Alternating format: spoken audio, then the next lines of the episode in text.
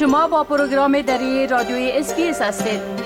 گزارشات عالی را در sbs.com.au دری پیدا کنید. حال با جاوید روستاپور خبرنگار برنامه دری رادیوی SBS برای جنوب آسیا به تماس هستیم که اونا طبق معمول درباره تازه ترین رویدادها در ارتباط به افغانستان گزارش میتن آقای روستاپور سلام عرض می کنم خب اولتر از همه گزارش شده که یک تعداد از تاجران افغان مقیم ازبکستان و قرقیزستان تمایل نشان دادند که پس به افغانستان برگردند و در اونجا سرمایه گذاری کنند. بله؟ با سلام وقت شما بخیر آقای شکه برای هیئت برنامه‌نمایندگی از 33 شرکت افغان در ازبکستان و قرقیزستان که به کابل آمدن در دیدار با سرپرست وزارت صنعت و تجارت حکومت طالبان برای بازگشت و انتقال سرمایهشان به افغانستان ابراز تمایل کردند. نوردین عزیزی سرپرست وزارت صنعت و تجارت طالبان که با شماری از این تاجران دیدار کرده گفته که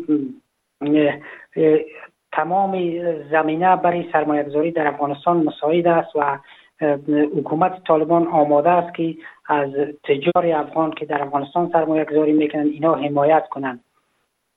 آقای عزیزی با استقبال از بازگشت این تجاران گفته که همچنان گفته که وزارت صنعت و تجارت در زمینه ایجاد تسهیلات برای بخش خصوصی و حمایت از آنها متحد است و همچنان زمینه اخذ پاسپورت و ویزا از کشورهایی که یا صادر می‌کنند کالاها را برشان مساعد می‌سازد. گفتنی است که رهبر طالبان هم چندی پیش مساعدت تسهیلات لازم برای سرمایهگذاران داخلی و جذب سرمایهگذاری در افغانستان را تاکید کرد و در فرمانی یک کمیته ویژه بین الوزارتی را ایجاد کرد و گفت که این کمیته وظیفه دارد تا در مسئله داد ستود تجار افغان با کشورهای بیرونی اینا زمین سازی کنند تا تجاران با مشکل مواجه نشوند. بله خب گزارش شده که طالبا با گزارش شورای امنیت ملل متحد در مورد گسترش پایگاه های القاعده در افغانستان واکنش نشان داده.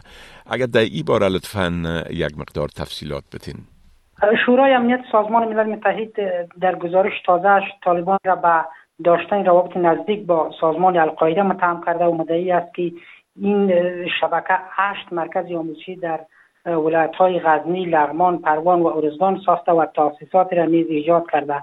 اما زبیرالله مجاهد سخنگوی طالبان با نشر اعلامیه صوتی که از طریق تلویزیون ملی و دیگر رسانه افغانستان رسانه دولتی افغانستان نشر شد این گزارش شورای امنیت را رد کرده.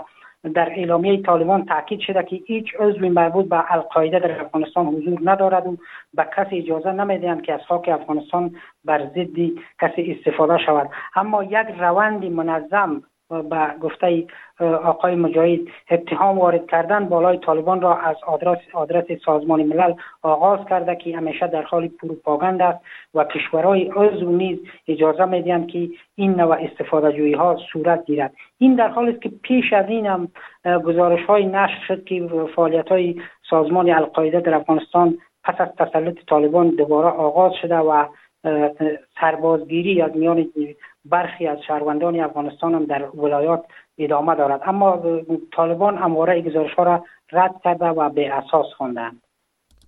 بله. خب گفته میشه که طالب با محصولات نفت شمال افغانستان برای اولین بار از طریق مزایده به فروش رساندن. بله؟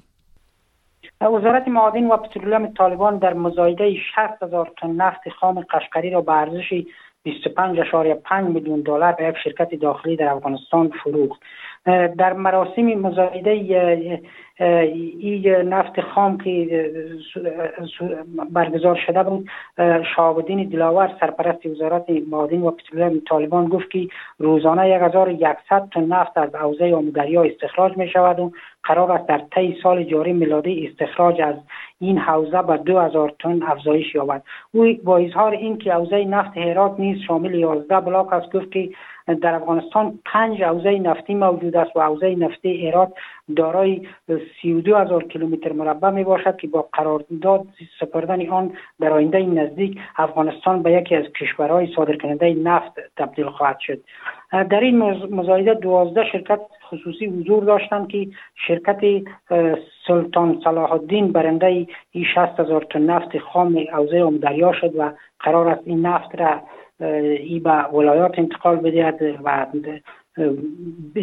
با انتقالی به ولایات امید می رود که بهای نفت در افغانستان کاهش پیدا کند. بله خب گفتم این که طالبا اعلان کردن که یک کمیته را برای از بین بردن تنش ها با پاکستان ایجاد می‌کنن اگر در مورد این مسئله یک مقدار روشنی بیندازین لطفا. طالبان از تلاش ها برای تشکیل کمیته مشترک مرزی به اهداف پایان دادن پایان دادن به تنش های مرزی با پاکستان خبر دادن زبیح الله مجاهد سنگوی طالبان اعلام کرده که یک کمیته مشترک برای حل تنش ها و تخلف ها با کشورهای همسایه ایجاد می شود و از جانب پاکستان هم در این کمیته عضو خواهند بود. آقای مجاهد افزوده که کشورهای همسایه نیز کمیته را ایجاد کرده و روی چالش ها با طالبان گفتگو خواهند کرد. او به گفته که ملاشیرین آخوند معاون اطلاعات و اطلاعات استراتژیک وزارت دفاع طالبان در رأس این کمیته قرار خواهد داشت. بله خب بسیار تشکر آقای روستاپور از این گزارشتان. و فعلا شما را به خدا می سپارم و وقت خوش برتان آرزو می کنم وقت شما هم خوش خدا نگهدارتون بپسندید شریک سازید و نظر دهید. اسپیس دری را در فیسبوک تعقیب کنید.